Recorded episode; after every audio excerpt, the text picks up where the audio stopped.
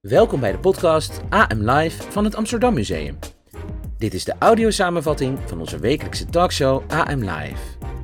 Deze uitzending staat in het teken van de opening van onze nieuwe tentoonstelling, De Gouden Koets, die vanaf vrijdag 18 juni te bezoeken is in ons museum. De moderatie is in handen van Jurgen Zonnevong en mijzelf, Maurice Seleki.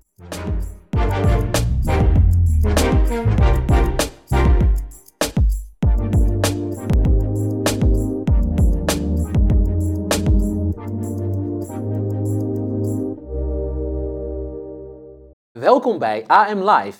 Vandaag staat geheel in het teken van onze nieuwe tentoonstelling De Gouden Koets. Deze aflevering is op een eerder moment opgenomen, nog voordat de tentoonstelling is geopend. Dus sommige dingen zijn ook voor ons nog een verrassing. We gaan vandaag in gesprek met experts over de manier waarop de tentoonstelling is ontwikkeld. En ook gaat Amsterdam Museumdirecteur Judieke Kiers ons een inkijkje geven in de tentoonstelling. Ook hebben we verschillende makers aan tafel die bij hebben gedragen aan de tentoonstelling. We spreken hen onder andere over de rol die hedendaagse kunst speelt in dit verhaal.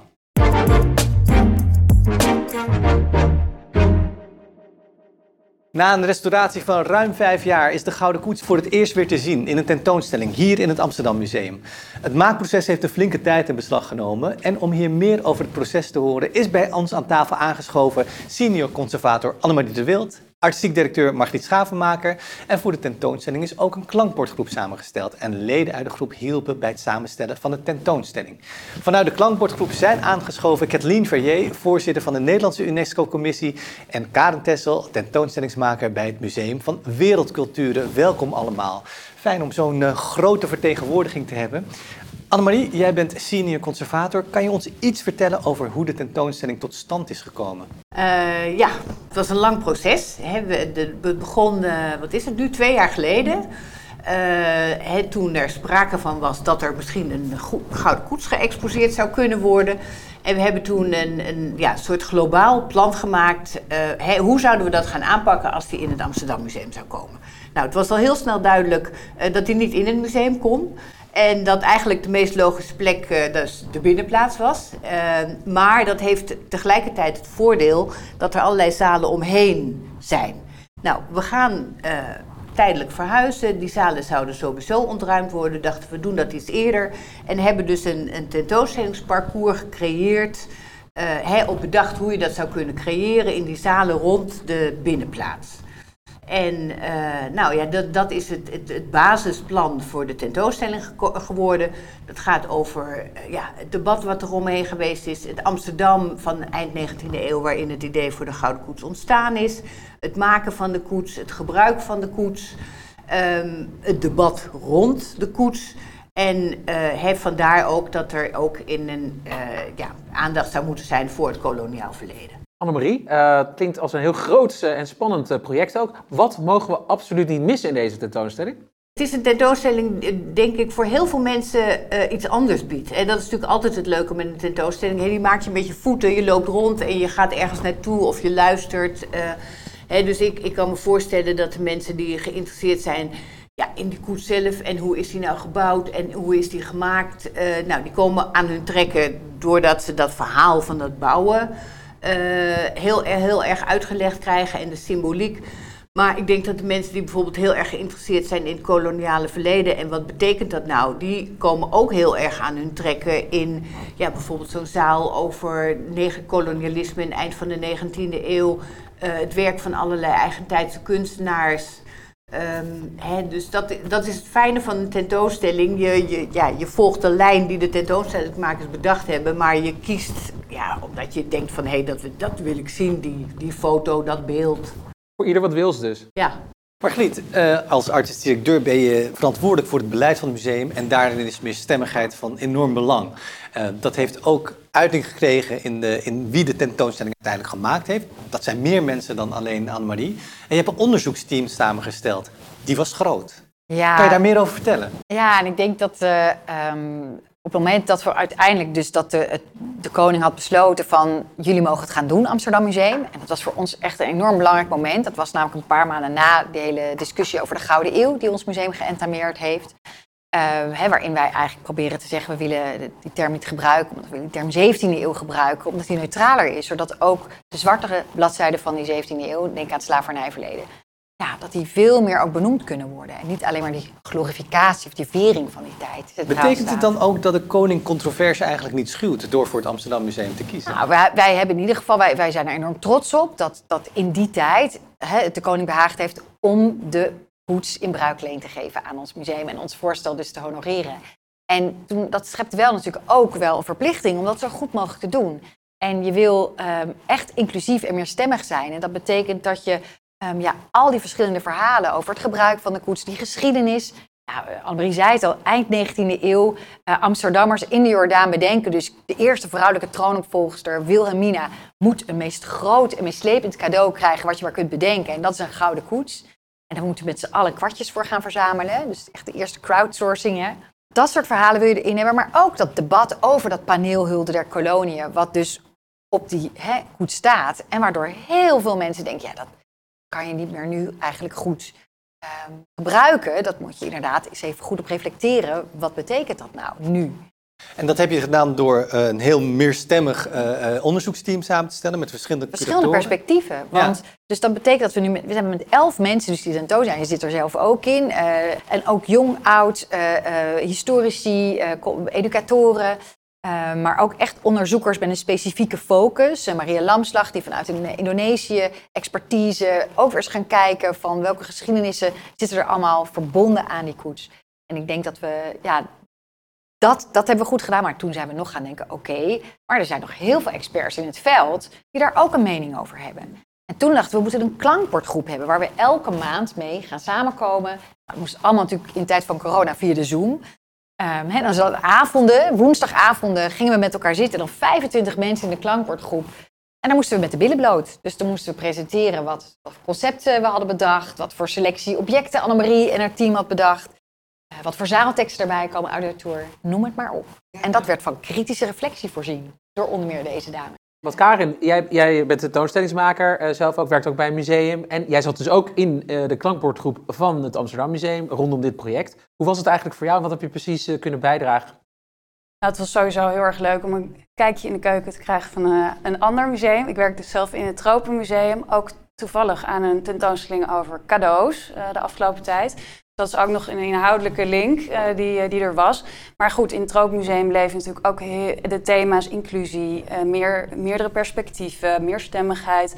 Eh, over mensen maak je tentoonstelling, maar hoe doe je dat met de mensen waar het over gaat? Dus vanuit die blik heb ik, heb ik meegekeken naar het proces. En ook ja, vooral heel erg meegedacht en ook pro- geprobeerd het vuur aan de schenen te leggen. Hè, op de plekken waar dat, waar dat naar mijn inziens nodig was. Over eh, de logica van het verhaal en ook de context eh, waarin eh, de koets wordt gepresenteerd. Een van de andere klankbordgroepleden die wist dat heel mooi onder woorden te brengen. Suzanne Lejeune, die had het over hoe de koets door de tijd is gereden. En hoe mensen eigenlijk sinds het ontstaan van de koets tot aan heden, tot aan de restauratie over die koets hebben gedacht en gepraat en vocaal hun meningen geuit.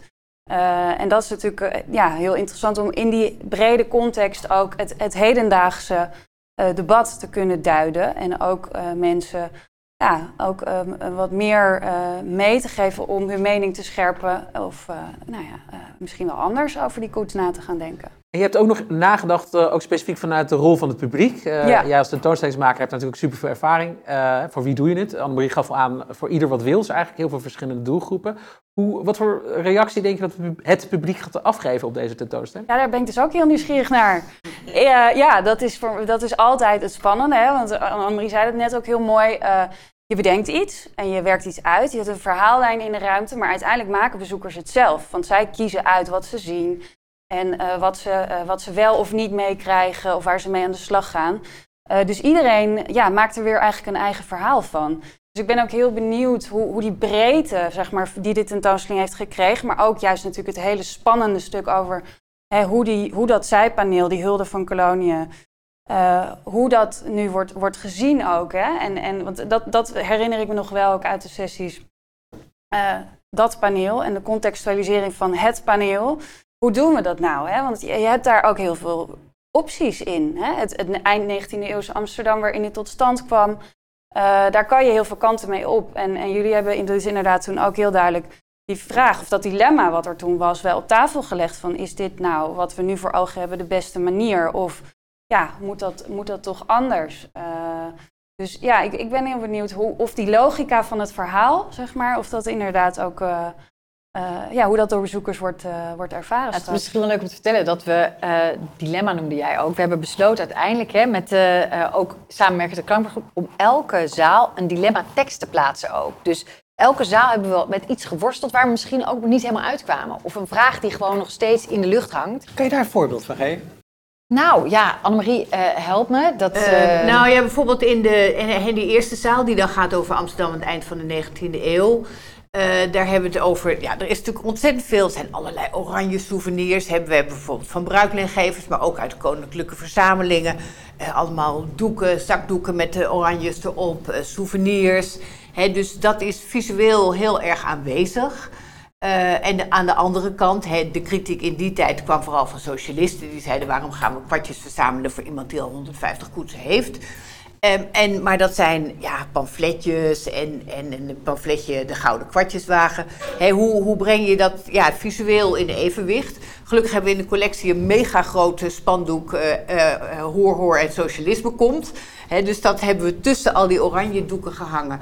Dus dat is bijvoorbeeld een vraag naar... Maar dan hangt het dilemma eigenlijk tussen de liefde naar het Koningshuis en het geschenk dat de Ja. Amsterdammers wilden geven. Tussen de, de, eigenlijk de mening van de socialisten die in tijden van armoede en opstand tegen zo'n excessief cadeau aan een familie die alles al heeft. Ja, precies. Dus dat Nou, was een het ja, dilemma is dilemma eigenlijk van ook meer, eh, volgens mij dan, ook dat we, en daar worstelen we ook als hele samenleving mee, ehm, dat je eh, als samenleving vooral de collectie van de machthebbers hebt verzameld eigenlijk. Van de, hè, en, en dat de, de, de, de opstandelingen of de groepen die weggeduwd worden veel minder gerepresenteerd zijn. Kijk, en dat vind ik het mooie van dat klankbordgroep, van die hele klankbordgroep. Ja, ik ga je nog even introduceren, Oh ja, want het is sorry. heel Ik fijn dat je het woord neemt. Ja, je zit heel namelijk. Je zit op het puntje van je stoel Ja, en dat ja, is ja, heel je fijn. Martin Ja. Verrier, zoals gezegd, je bent voorzitter van de Nederlandse UNESCO-commissie. Nog even om wat context te geven. Wat doet de Nederlandse commissie van de, eh, De van Nederlandse UNESCO?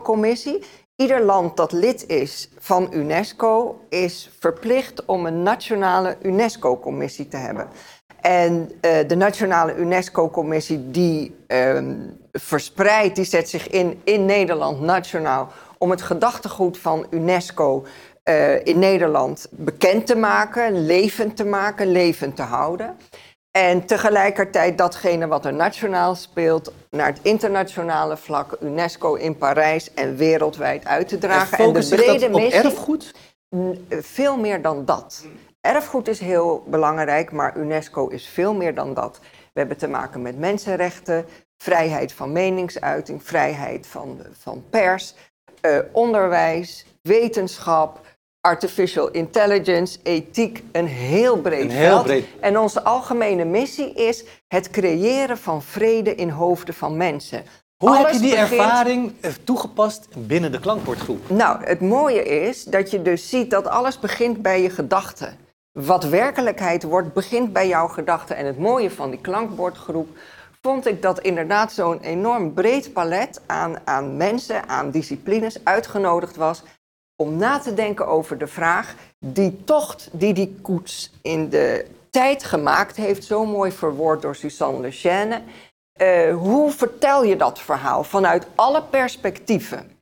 Zodat je vandaag de dag, en dat vond ik super interessant, dat onder al die gesprekken lag eigenlijk de kernvraag: wat moet er met die koets gebeuren?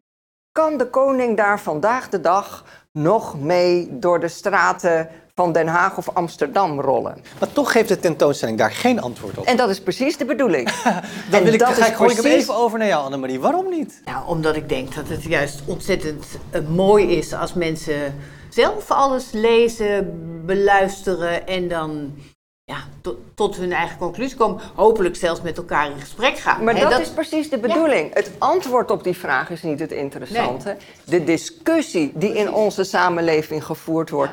En die altijd, ben ik heel erg met jou eens, vanuit een bepaald perspectief gevoerd is. En je ziet dat vandaag de dag, in onze tijd, zien we eindelijk dat we ons de manier waarop we kijken en het oordeel dat we vellen, moeten proberen los te laten. Ik zag een prachtige recensie op de slavernij-tentoonstelling in het Rijksmuseum. En die zegt het alles. Je ziet het pas als je het doorhebt. En het is de bedoeling dat de ogen hier geopend worden. En om hierop even op in, eh, in te haken. We zien natuurlijk dat, dat deze tentoonstelling ook in, het, eh, in de tijd staat. En de tijd Ja. waarin ook andere tentoonstellingen worden gemaakt. Bijvoorbeeld de slavernij tentoonstelling van onze goede collega's bij het Rijksmuseum. Maar ook de Surinaamse school bij het Stedelijk Museum. En ook eh, de nieuwe tentoonstelling die, die jullie maken bij het Tropenmuseum, Karin. En, en Kathleen, misschien ook voor jullie de vraag als, als leden van de klankbordgroep. Hoe zien jullie nou deze Gouden Koets tentoonstelling ten opzichte van die andere tentoonstellingen? In welk kader eh, kan je dat eh, plaatsen? Nou ja, voor, voor ons eh, geldt het dus dat in Cadeau Hoezo, dat is een, een, een, een tentoons- tentoonstelling over cadeaus in de brede zin van een antropologische benadering uiteindelijk ook van het fenomeen. Hè, van het fenomeen dat mensen dat dus doen, elkaar cadeaus geven. En waarom doen mensen dat eigenlijk? Dat is de vraag, de sturende vraag in die tentoonstelling die we heel breed benaderen. Maar daar zit ook een deel in over koninklijke geschenken. Dus eh, wij hebben ook bruiklenen eh, uit, het koninklijke, uit de koninklijke verzamelingen in de tentoonstelling. Want het gaat een, een onderdeel eh, van onze familietentoonstelling, want dat is het, gaat ook over diplomatieke geschenken.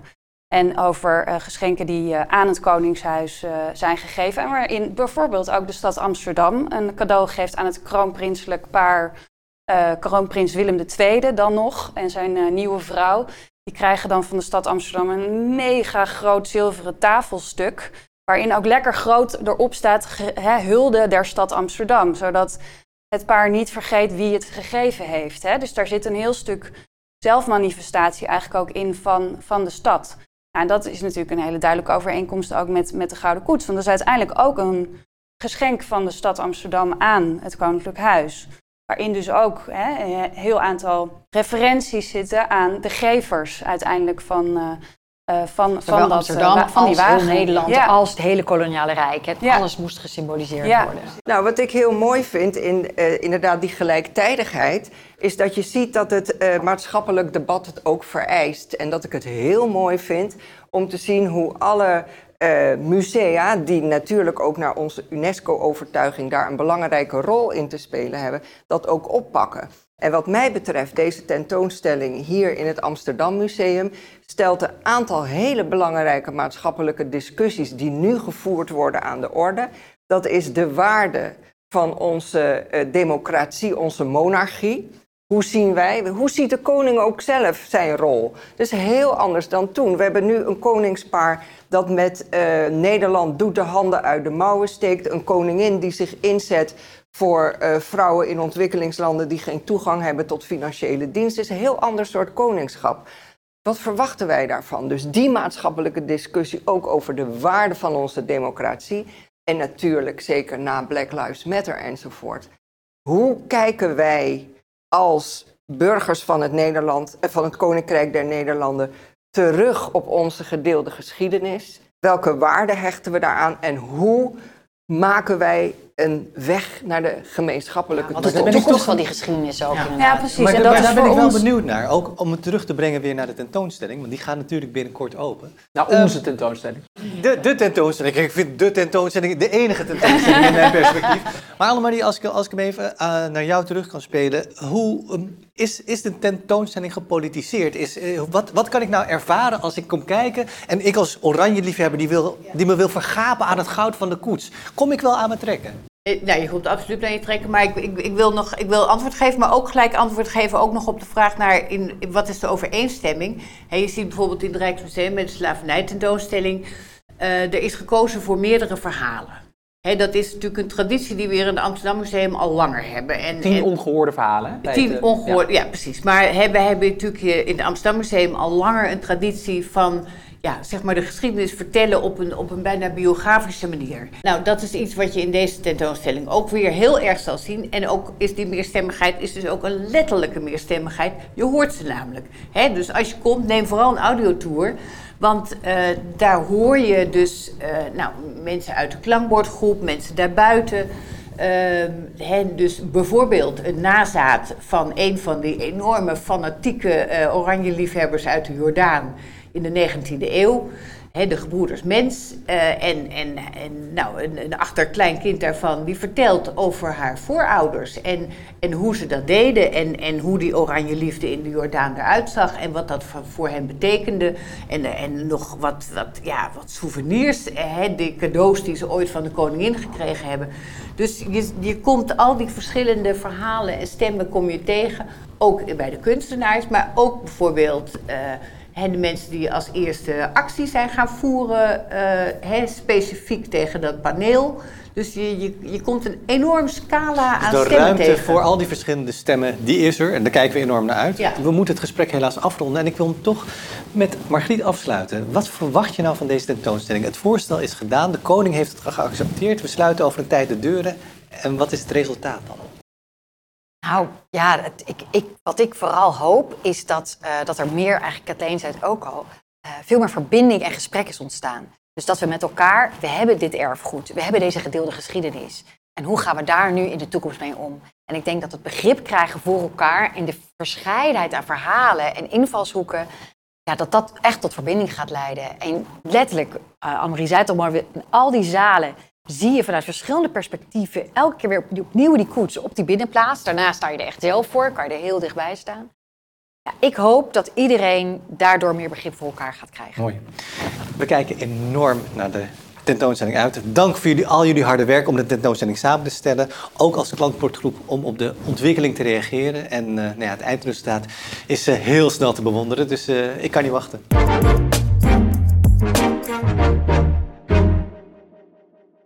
In de tentoonstelling is naast de Gouden Koets zelf veel meer te zien in de zes museumzalen rondom de binnenplaats. Honderden cultuurhistorische objecten, schilderijen, foto's en bewegend beeld geven een veelzijdig beeld van de geschiedenis en het gebruik van de koets. Directeur Judiekje Kiers neemt ons mee langs een paar elementen van de tentoonstelling. De Gouden Koets is, um, ja, is heel Amsterdams. Hij is in um, eind 19e eeuw bedacht door Amsterdammers als geschenk voor uh, de inhuldiging van de jonge koningin Wilhelmina. Die koets die staat hier, dus achter mij, in het centrum van de binnenplaats van het museum. En daaromheen, in alle zalen rondom deze binnenplaats, is een tentoonstelling over alle aspecten van de Gouden Koets. Over zijn geschiedenis, over het gebruik van de koets, over de symboliek, over de restauratie, over de gesprekken, de debatten, de protesten rondom de koets. Hier staan we in de eerste zaal van de tentoonstelling. Het is eigenlijk echt een, echt een introductie.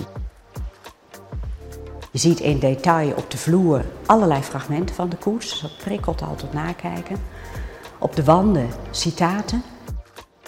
Er zijn beelden te zien van de koets als hij op straat is, als hij eigenlijk ceremonieel gebruikt wordt. En er is een model te zien van de koets met al zijn paarden, lakeien, postiljons eromheen. Zoals hij uitrijdt, ja, bijvoorbeeld bij de opening van het parlementaire jaar.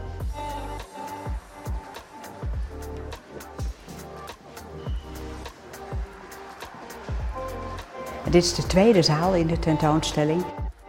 En ja, wat ik heel leuk vind is dat je hier echt de sfeer van, de, van Amsterdam proeft in de tijd dat die koets gemaakt is, 1897, 1898.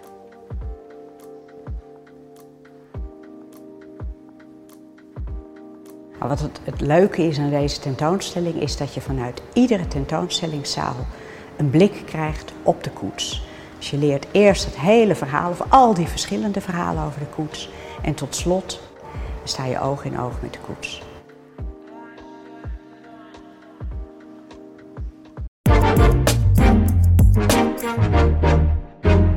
In de tentoonstelling is een bijzondere rol weggelegd voor hedendaagse kunst. Het Amsterdam Museum heeft verschillende kunstenaars en makers uitgenodigd en de opdracht gegeven om werk te maken voor deze tentoonstelling. Bij ons inmiddels aan tafel zijn aangeschoven Raoul Balai, welkom. Dirk Bertels, fijn dat je er bent. En Sarah van Sonsbeek, goed je te zien. Alle drie hebben jullie werk gemaakt, speciaal voor deze tentoonstelling zoals gezegd. Wat kunnen we verwachten? Dirk, wat heb je gemaakt? Uh, ik heb een interactieve installatie gemaakt, die heet Jouw Gouden Koets. Waarin bezoekers worden uitgenodigd om na te denken over wat zij vinden dat uh, de toekomst is van de Gouden Koets. Dus hoe vinden zij dat de Gouden Koets gebruikt moet worden? En dat gaan ze in AR doen. En het idee is dat ze eerst uh, leren dat er allerlei manieren zijn waarop de Gouden Koets gebruikt kan worden. Maar ze leren ook dat alles wat je doet en alles wat je aanpast aan die gouden koets, hoe betekenisvol dat is. En dat beelden dus zo, eh, zo betekenisvol zijn, zodra je er ook maar iets mee doet. Ja, want als je hem wit maakt, Ja, dan is de trouwkoets, maar dan is dus die geschiedenis er weer vanaf. En als je hem zwart maakt, is de begrafeniskoets. Maar wat als het een, eh, een, een tegeltjeskoets is of een flisco-koets is? dus het gaat over keuzes en de consequenties Ja. die daaruit Ja, en volgen. bewust worden van beeld. Want we reflecteren heel veel in woorden. Maar hier ga je dus in beeld iets zeggen. En zodra je iets doet, merk je dat je, oh ja, dan zeg ik dus iets. Ja. En dat is heel spannend. Sarah, wat kunnen we van jou verwachten? Ik heb eigenlijk een alternatief op de Gouden Koets eh, gemaakt. In het Amsterdam Museum staat een boom, een Wilhelmina-linde. Die is tegelijk met de koets aan de jonge koningin aangeboden. Een paar jaar later is daar een bankje omheen gezet. Ontzettend mooi bankje, dat heb ik nu verguld. En bezoekers mogen daar straks hè, in het echte bladgoud, heel dun laagje, mogen ze iets schrijven met hun sleutel bijvoorbeeld. En een beetje goud meenemen in ruil. Dus het is een heel aanraakbaar werk eh, in tegenstelling tot de koets. Wauw, dit goud kan je aanraken, kan je meenemen, maar kan je ook beschadigen. Misschien vinden mensen dat een belediging. Kan je dat voorstellen? Zeker, ik kan me eigenlijk alles voorstellen, maar dat is voor mij ook het spannende aan dit werk. Ik geef het uit handen. Eh, ja, en dan is het aan iedereen die nu kijkt en aan iedereen die gaat komen. Raoul, wat heb jij gemaakt? Ik heb een eh, beeldengroep gemaakt. Het eh, is een beeldengroep van acht beelden, eigenlijk duo's van, eh, zoals ik zeg, gemuteerde paarden en eh, familieleden van mij, inclusief mezelf. En wat was de achterliggende gedachte? Ehm, nou, mijn gedachte is sowieso, mijn familie bestrijkt zo ongeveer het hele koloniale verleden van Nederland, eh, als wij met z'n allen bij elkaar zijn.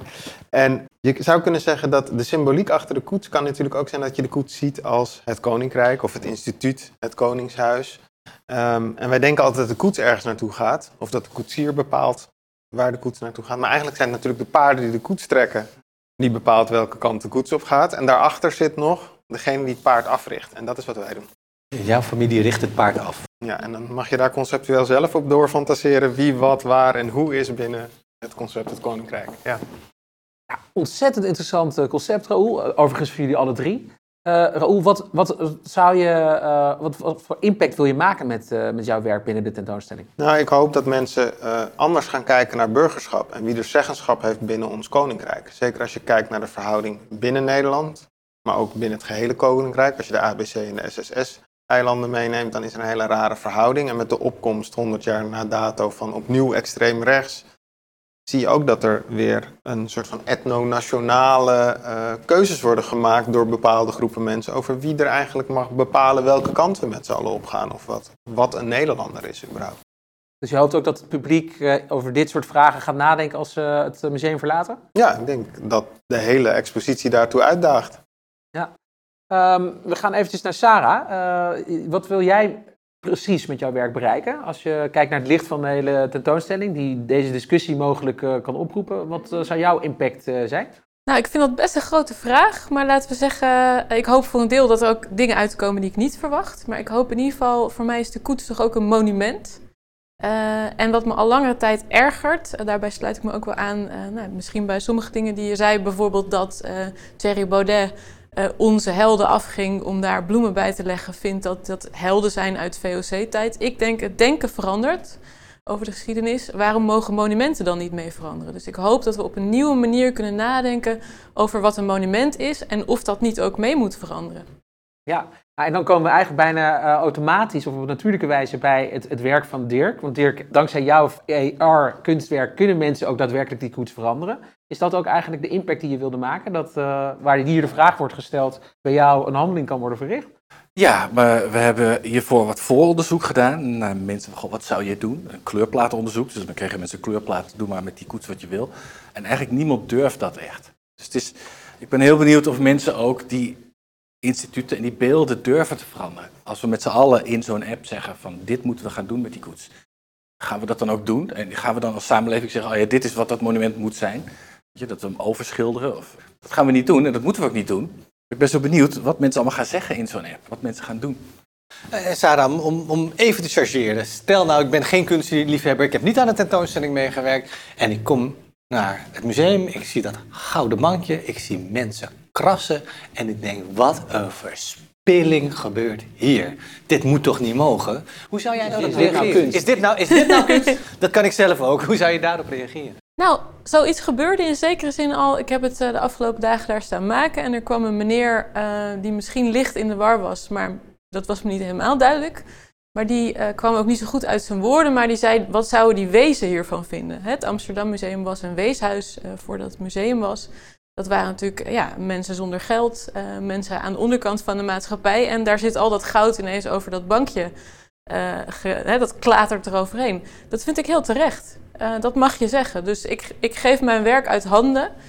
Ik hoop natuurlijk dat die meneer er iets in zet of dat het hem aan het denken zet. Ik vind dat allemaal legitieme en goede vragen. Ik wil ook mensen laten nadenken over die transactie. Wat is dat goud dan? Is het misschien niet veel waardevoller als je er iets inschrijft hè, dan het goud wat je weghaalt? Ik denk van wel. Raoul, wat zou jij zeggen? Stel, ik ben diezelfde man die niet van kunst gecharmeerd is, die jouw werk ziet. En die zegt, ja, maar weet je wat er nu gebeurt? Eh, A, je bent de geschiedenis aan het herschrijven. En B, door jou heb ik het gevoel dat ik niet trots mag zijn op de geschiedenis die we in die prachtige 17e eeuw gehad hebben. Hmm. Ja, goede vraag. Nou ja, ik denk dat het interessant is als je naar kunst kijkt, is dat het mensen een gevoel veel meer aanspreekt. We praten er hier nu ook over, hè? maar woorden hebben een bepaalde beperktheid ook. En ik denk zelf dat als je de verschillende kunstwerken naast elkaar bekijkt, dat je ook die verschillende aspecten van zo'n, nou, als je het hebt over de 17e eeuw, beter naast elkaar kan aanvoelen. Dat het misschien niet overeenkomt met jouw mening die je uit, maar dat als je het op die manier ervaart, dat je ook kan denken van, oh ja, maar dit, dit ziet er ook aan. En ik denk dat die trots waar wij het steeds over hebben, of tenminste waar het eigenlijk de afgelopen twintig jaar steeds over gaat, dat dat een trots is die hoort bij een exclusiviteit. Zo, er is een soort van etnische, hè, dus zeg maar de, de witte mens behoort tot deze geschiedenis en die is trots op deze geschiedenis. Terwijl ik denk dat er niet zoveel mis is met trots zijn op de plek waar je vandaan komt. Hè. Ik heb zelf niet zoveel met nationaal, nationale ideeën, maar op zich, als jij trots bent op vandaan komt, is niks mis mee. Maar zodra dat een soort van exclusief ding wordt en het gaat met uitsluiting en geweld samen, dan ontstaat er een probleem. Dus het gaat eigenlijk om verschillende perspectieven en ook af verschillende verhalen toelaten in het denken over de Gouden Koets, in het denken over Nederland en in het denken over de toekomst van Nederland. Hoe verhouden jullie je tot, tot die uitgangspunten, dat verbreden van die verhalen? Is dat iets waar je jezelf in herkent, waar je je werk in herkent of waar je niet zoveel mee te maken hebt? Sarah, mag ik jou als eerste? Eh, ja, ik herken het zeker. Ik denk wel dat ik relatief laat een coming out had, wat dat betreft. Eh, ik mocht een show maken in eh, Oude Kerk in 2017 en heb toen met de reddingsdekens gewerkt die we veel in nieuws zagen vanwege de vluchtelingen. Ik gebruikte die al eerder in mijn werk en ik heb heel erg gedut, mag ik dat wel? Mag ik daar wel iets mee doen met andermans ellende? En toen ben ik me eigenlijk dus heel erg laat pas gaan verdiepen in, eh, ja, wat is mijn rol daarin? Dus je, je, je denkt dat je er geen rol in hebt. Mag ik me wel in andermans ellende? Nee, wat jij net zegt. eh, ja, ik ben onderdeel van deze maatschappij. Ik, ik ben hier en heb een heel eh, ja, mooi geprivilegeerd leven. Maar dat heeft te maken met de maatschappij. Dus ik ben ook onderdeel daarvan. En ik probeer sindsdien daar vanuit mijn positie op te reageren. Maar ja, het is niet makkelijk.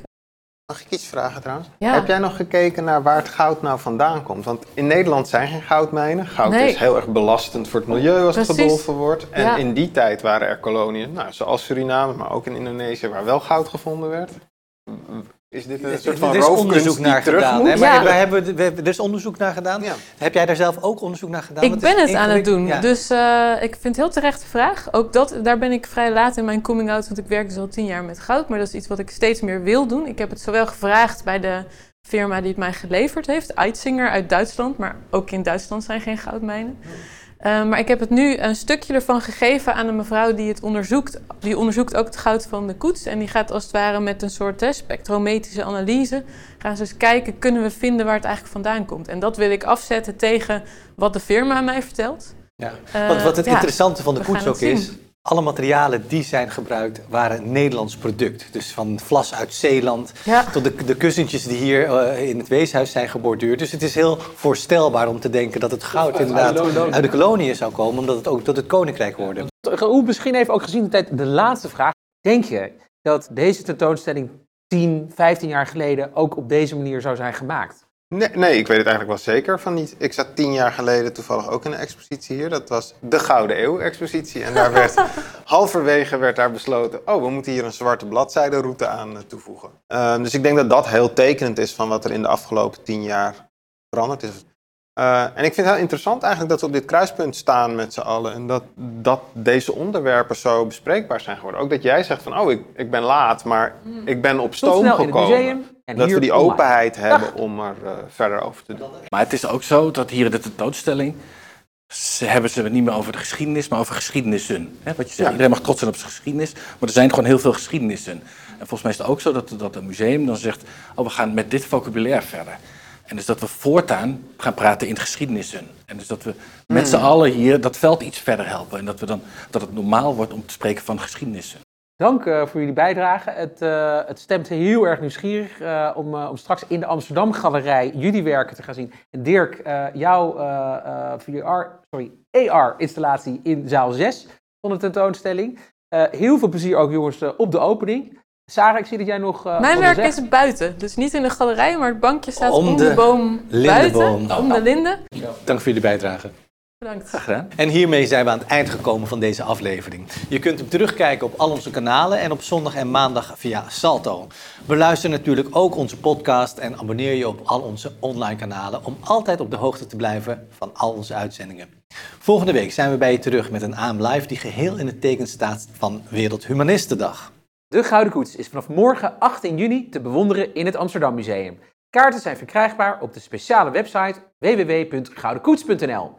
Daarnaast trekken we als museum deze zomer met een mobiele onderzoeksinstallatie het land in om Nederlanders te bevragen over hun kennis en hun kijk op de Gouden Koets. Tot snel in het museum en hier online. Dag!